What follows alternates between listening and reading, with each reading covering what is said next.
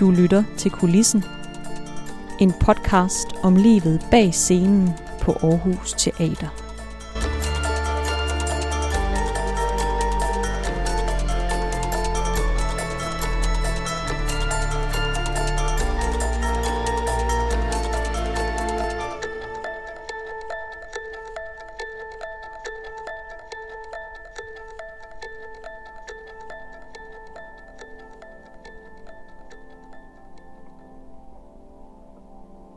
Det er natten mellem den 21. og 22. februar 1945.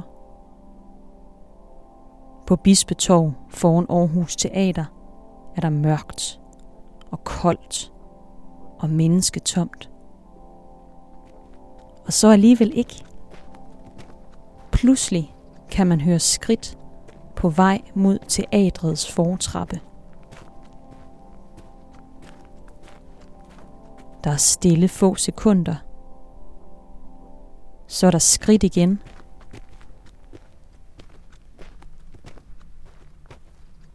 Så er der stillhed. Og så kommer bravne.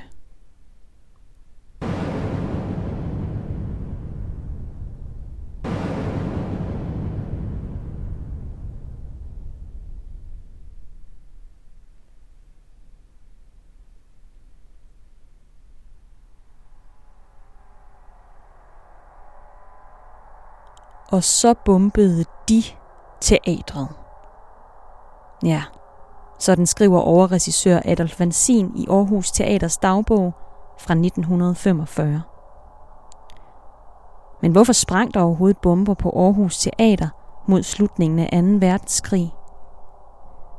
Hvem er de, der smed dem? Hvad skete der op til? Og hvad skete der efter? I den her episode af Kulissen, der tager vi 78 år tilbage i tiden, sammen med teatrets historiker og arkivar Marianne Philipsen. Vi starter ikke historien på fortrappen, hvor bomberne sprang, men i stedet begynder vi fortællingen i den smukke buegang på Aarhus Teaters første sal. Mit navn, det er Louise Sejer Højmark, og jeg er ny vært her på kulissen. Tak fordi du lytter med.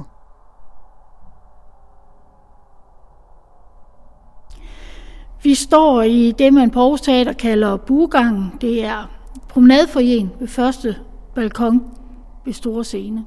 Det her, det er Marianne Philipsen. Jeg hedder Marianne Philipsen, og jeg er historiker og arkivar på Aarhus Teater.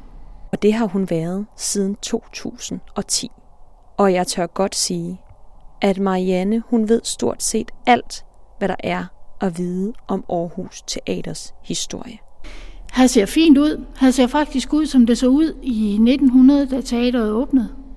Der er nogle fine parketgulve, så er der marmor på væggene, og der er stuk i de buede lofter, og der er fantastisk flot øh, glasmosaikker.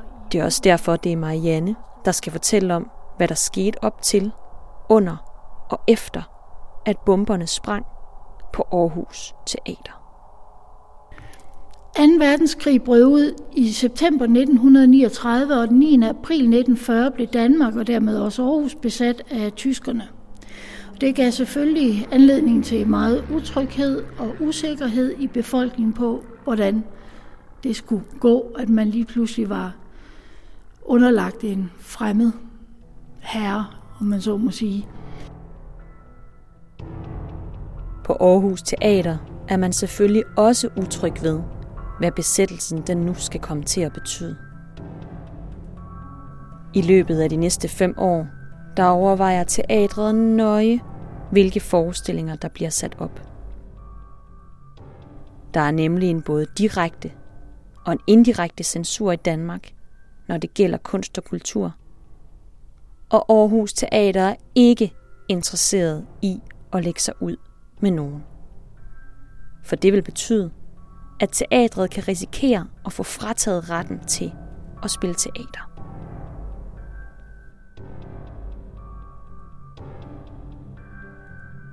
Men altså, hvilken historie vil det her være? hvis der ikke er nogen, der våger fodfæstet for en stund. Aarhus Teater har nemlig ret svært ved ikke at være kritiske over for den tyske værnemagt. Selvom teatret altid holder det under radaren. Næsten altid, i hvert fald. Der var en gang, hvor, det, hvor man næsten kan sige, at det faktisk ikke kørte under radaren, men eksploderede ud i byens hjerte.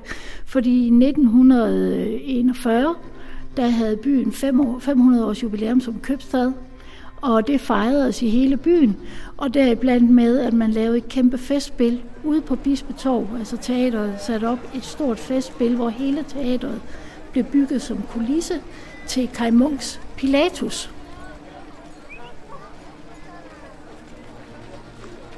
Kai Munks Pilatus, tænker du måske. Hvordan er det nu lige, det er med den? Jo, meget kort. Præst og digter Kai Munk, han skriver Pilatus i april 1917. Men manuskriptet det bliver først privat udgivet 20 år efter, til julen 1937. Pilatus det handler, sjovt nok, om Pontius Pilatus, der er kendt som den politisk ansvarlige for korsfæstelsen af Jesus. Eller, som Marianne forklarer kort og godt, så handler Pilatus om en tvivlende og ret svag leder. En fyre, om man vil.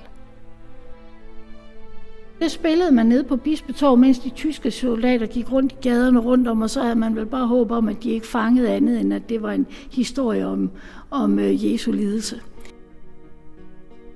Nå, det var et lille sidespring, det her med Kai Munks Pilatus i 1941. Men det er et vigtigt sidespring, for det er med til at vise, at Aarhus Teater altså er en vigtig og ret modig institution under 2. verdenskrig i Aarhus. Allerede et par måneder efter besættelsen, der byggede man en såkaldt sandkasse hernede foran hovedindgangen, lige hernede foran bugangen. Sandkassen. Den er der både for at beskytte huset, men den er der også, fordi Aarhus Teater fungerer som beskyttelsesrum, når luftalarmerne de lyder.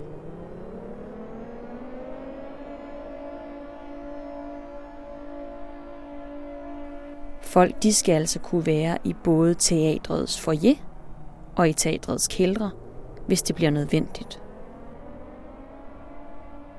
Og næst efter Rådhuskælderen, der er Aarhus Teater faktisk det største offentlige beskyttelsesrum i Aarhus by. En stor, en høj mur nærmest øh, af træ, hvor der så inde i lå sandsække. Derfor hed det en sandkasse. Den dækkede hele indgangspartiet ned foran trapperne. Og når, det vil sige, når publikum skulle ind, så skulle de om bag ved sandkassen, og så ind af hoveddørene der. Øh, så der, den der kæmpe store sandkasse ude foran teateret, så kunne man hænge teaterplakater på den. Men der var også tegnet store hvide striber, simpelthen sådan kalket nogle lange hvide striber hen ad den, så man også kunne se det. Fordi hvis alt lyset forsvandt under bombeangreb og alt muligt andet, så skulle man kunne se, hvor man var om natten. Og det kunne man så med de her hvide striber. Fordi lyset skulle jo også være slukket når under luftangreb, hvis, der, hvis det var alvor, ikke? Sandkassen foran Aarhus Teater, den er meget solid. Og det skal vise sig senere faktisk at være lidt af et problem. Det gav bagslag på et tidspunkt, at den netop sandkassen var så solid. Men det vender vi tilbage til. Så langt er vi slet ikke nået i historien endnu. Først så skal vi lige vide, at når der bliver afholdt luftværnsøvelser i Aarhus, altså de her øvelser, hvor man samler aarhusianerne for at gennemgå, hvad de skal gøre, hvis der falder bomber over byen, ja, så bliver de her øvelser faktisk afholdt lige foran teatret. hvis der kommer et bombardement, og det rent faktisk rammer, og det går galt og sådan noget, så havde man de her luftværnsøvelser, hvor teateret var, var ligesom det sted, det udgik fra.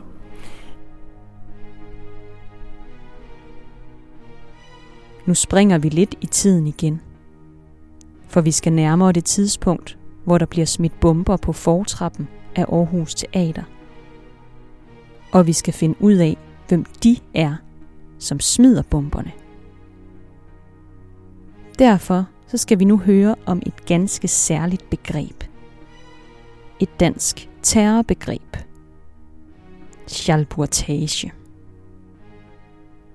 I den sidste lange tid inden befrielsen i maj 45, der var der meget uro, mange kampe øh, i Aarhus mellem besættelsesmagten og Schalburtagebevægelsen, som var en dansk terrorbevægelse, der arbejdede på tysk side, og så modstandsbevægelsen. Og det var, der var mange kampe, der var mange huse, der blev bombet, der var mange øh, liv, der gik tabt, og der var skudkampe og alt muligt ude på Bispetorv ude foran kirken, og også her omkring teateret. Men det er altså først den 21. februar 1945, at uroen rammer Aarhus Teater. Og det sker efter en ellers munter aften, hvor operetten Den Glade Enke er på programmet. Den 21. februar 1945, der var der på Aarhus Teater generalprøve på operetten Den Glade Enke, som skulle spille den 22. februar med selveste Else Marie og Hans Kurt i hovedrollerne. Hvis navnene Else Marie og Hans Kurt, de ikke ringer en klokke hos dig, så kan jeg fortælle, at de altså i de her år er Danmarks hotteste operettepar. Men efter generalprøven var sluttet, og alle var gået hjem og havde forladt teateret, der havde placeret øh, en af Schalburtage-grupperne, sandsynligvis Peter-gruppen, øh, bomber nede ved, hoved, ved hoveddørene, nede foran teateret. Øhm, og øh, de sprang jo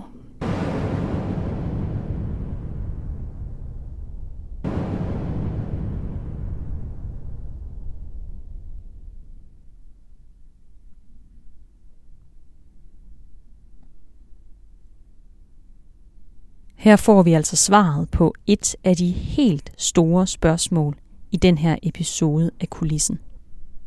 Nemlig hvem de sandsynligvis er. Altså dem, som smider bomberne på Aarhus Teater den februarnat i 1945. Som Marianne forklarer, så er Petergruppen en såkaldt chalportagegruppe, der opererer i Danmark frem mod befrielsen i maj 1945. Og inden jeg forklarer lidt nærmere om Petergruppen, så skal vi lige forstå, hvad chalportage det dækker over. For det begreb har vi faktisk hørt om et par gange nu. Modstanden i Danmark er omkring 1944 blevet noget af en tårn i øjet på Hitler. Han iværksætter derfor kontrasabotage. Og det betyder, at den danske modstandsbevægelses sabotager og drab på tyske soldater og danskere i tysk tjeneste, det bliver gengældt med at skyde danske borgere og med bombeattentater som det på Aarhus Teater. Håbet er så, at de her hævnaktioner vil skræmme den danske befolkning til at tage afstand fra modstandsbevægelsen. Ordet schalburtage er det danske navn for den tyske kontrasabotage, og det henviser til en Christian Frederik von Schalburg, der var leder af Frikorps Danmark i en periode i 1942. Og Frikorps Danmark, det var altså et frikorps bestående af danskere, der kæmpede på Østfronten på tysk side. Petergruppen, det er en terrorgruppe, og målet, det er at ramme danskerne, hvor det kan mærkes. Det er teatre. Tivoli i København, Aalborg Rutebilstation, biografer, forlystelsessteder, persontog, beboelsesejendomme, avispressen, forretninger, fabrikker og produktionsvirksomheder, som ikke arbejder for tyskerne. Derudover, der kommer så de såkaldte clearingdrab på forskellige danskere.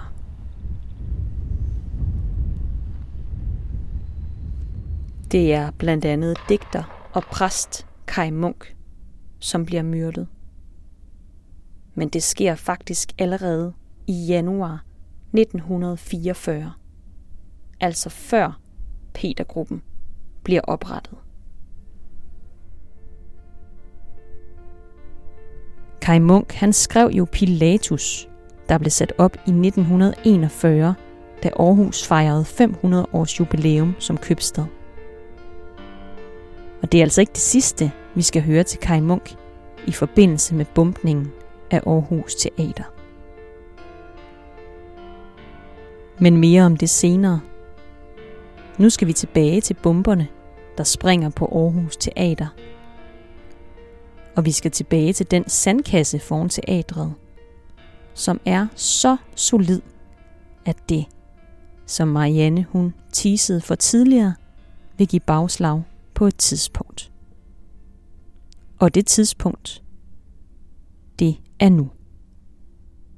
Og fordi netop at sandkassen var så solid, som den jo skulle være, så er det jo klart, at så gik trykket ind og op i huset. Så hele facaden, altså fordørene, sprang i luften.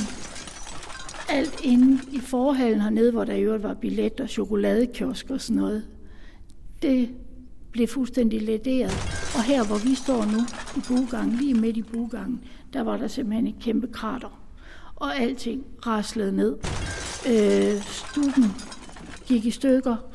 Marmoren revnede. Alle prismerne i alle lysekroner blev pulveriseret, og de store vinduer og de smukke glasmosaikker, det splindredes simpelthen. Øh, man kan se på billederne, at øh, Jamen altså, der var ikke et, der var ikke et, et vindue, et rude tilbage i hele facaden af huset.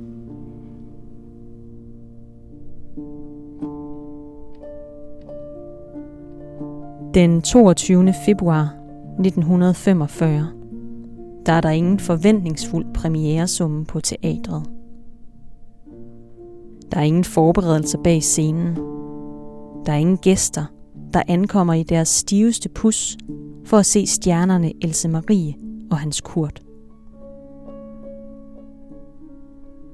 I stedet er der omfattende skader og et kæmpe arbejde, som venter forude. Og i bugangen, hvor Marianne hun står og fortæller, der er det altså ikke kun stuk og marmor og prismer og ruder og glasmosaikker, det går ud over. Der er også en helt speciel person, der tager turen fra første sal til forhallen. I øh, bugangen her, lige der hvor faktisk kampmand står nu, står her og, og klapper ham lidt på kinden, der stod der en byste af teaterets første øh, direktør, Benjamin Petersen. En marmorbyste stod på en sokkel. Og han røg jo simpelthen ned på etagen nedenunder, ned i forhallen. Men det eneste, der skete ved ham, det var, at han mistede det yderste af det ene øre. Så lidt van Goghsk. Han står nu, man kan møde øh, Benjamin Pedersen, han står nede i stengangen ved Skala, og øh, der ved billetten, øh, og man kan stadigvæk se den manglende øreflip, men ellers så overlevede han faktisk faldet.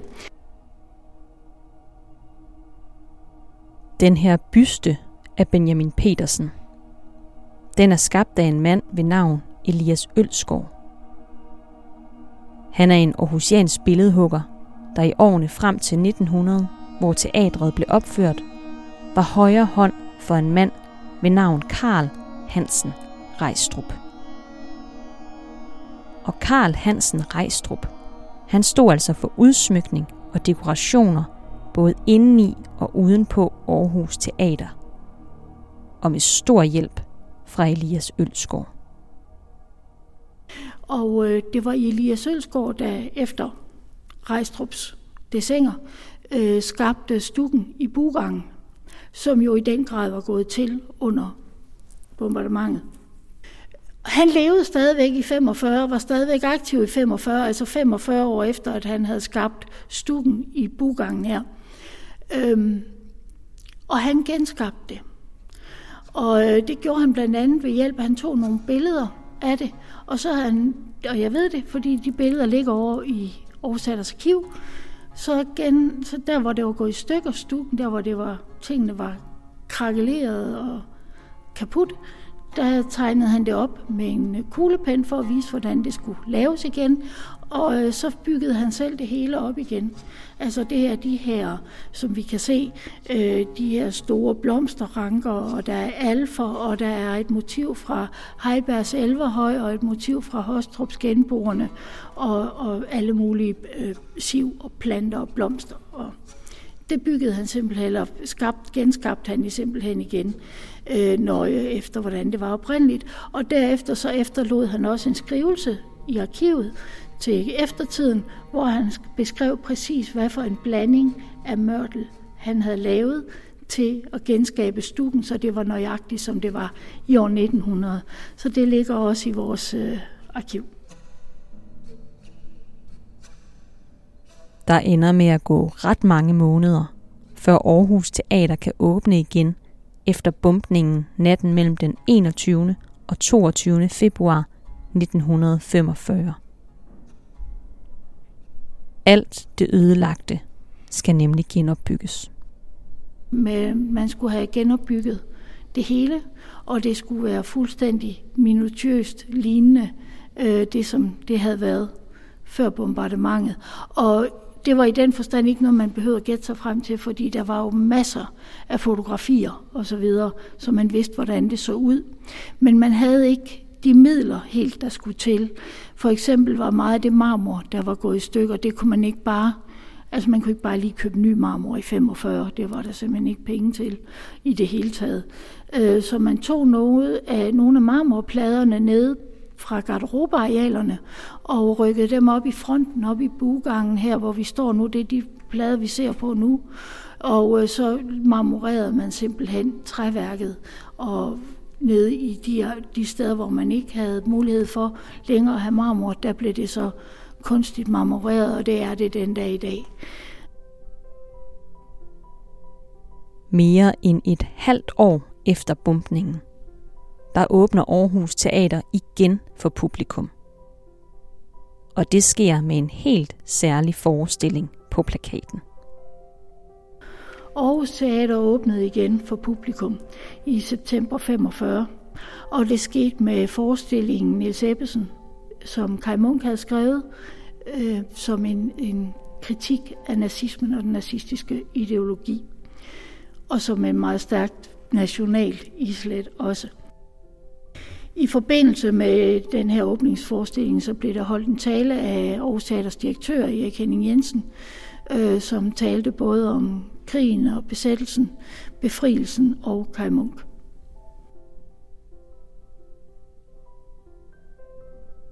Og med Kai Munks premiere på Nils Ebbesen, der slutter den her episode af kulissen om bumpningen af Aarhus Teater i 1945.